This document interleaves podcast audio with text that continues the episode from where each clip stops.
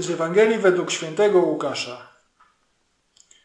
Bóg posłał anioła Gabriela do miasta w Galilei zwanego Nazaret, do dziewicy poślubionej mężowi imieniem Józef, z rodu Dawida.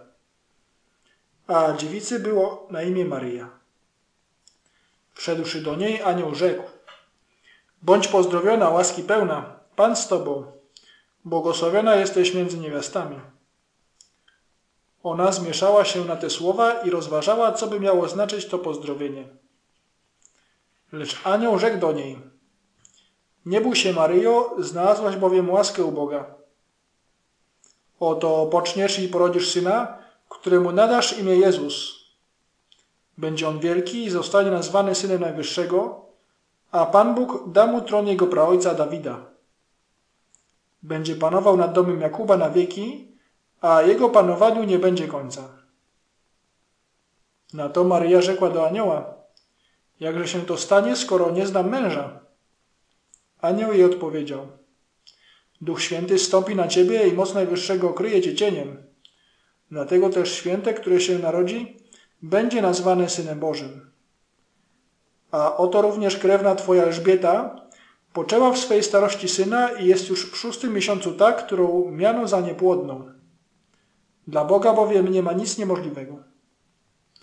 Na to rzekła Maryja, oto ja, służebnica pańska, niech mi się stanie według słowa Twego.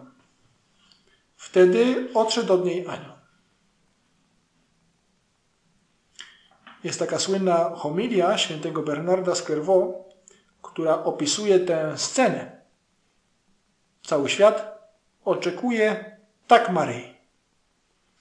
I święty Bernard w takim pięknym języku opisuje, jak grzech po grzechu pierwszych rodziców uwładnął ziemię.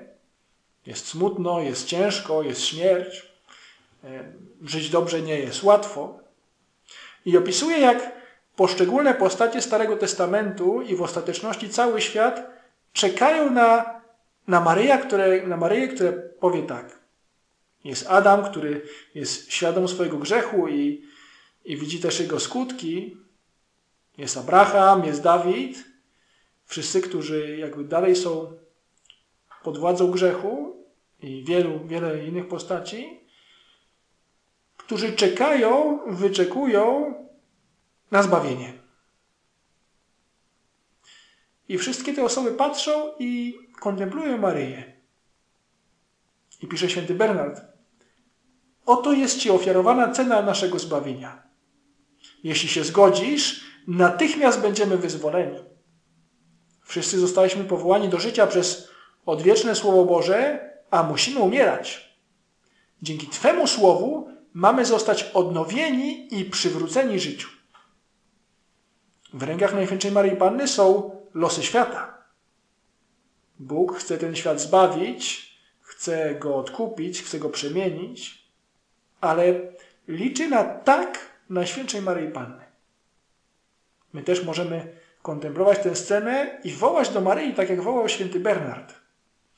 O błogosławiona dziewico, otwórz swoje, Twoje serce dla wiary, usta wyznaniu, a łono Zbawicielowi. Oto upragniony przez wszystkie narody stoi z zewnątrz i kołaczy do Twoich drzwi. Jeśli zaś cię minie, bo się ociągasz, znów zaczniesz bolejąc szukać tego, którego miłuje dusza Twoja. Powstań więc, pobiegnij i otwórz. Powstań przez wiarę, pobiegnij przez oddanie, otwórz przez wyznanie. Oto, mówi Maryja, ja, służebnica Pańska, niech mi się stanie według słowa Twego. Ale też jest jeszcze drugie dno. Jak mówił święty Augustyn, ten, kto stworzył Cię bez Ciebie, nie zbawi Cię bez Ciebie. To nowe życie, które przynosi Pan Jezus dzięki tak Maryi, jest na wyciągnięcie ręki. Ale to ja muszę chcieć. Każdy z nas musi go chcieć. I to oznacza chcieć pójść do spowiedzi. To znaczy chcieć przebaczyć tym, którzy są na mojej czarnej liście, albo lepiej skasować, zniszczyć moją czarną listę. Albo bardziej przyziemnie, chcieć przed Bożym Narodzeniem wyczyścić te kurze, których nikt nie widzi. W codziennych wyzwaniach, które stawia przed nami Pan, powiedz razem z Maryją, niech mi się stanie według słowa Twego. Chcę, chcę tego. I wtedy, tak jak w Maryi, tak jak na, na tym świecie, w Tobie i wokół Ciebie zacznie się nowe życie.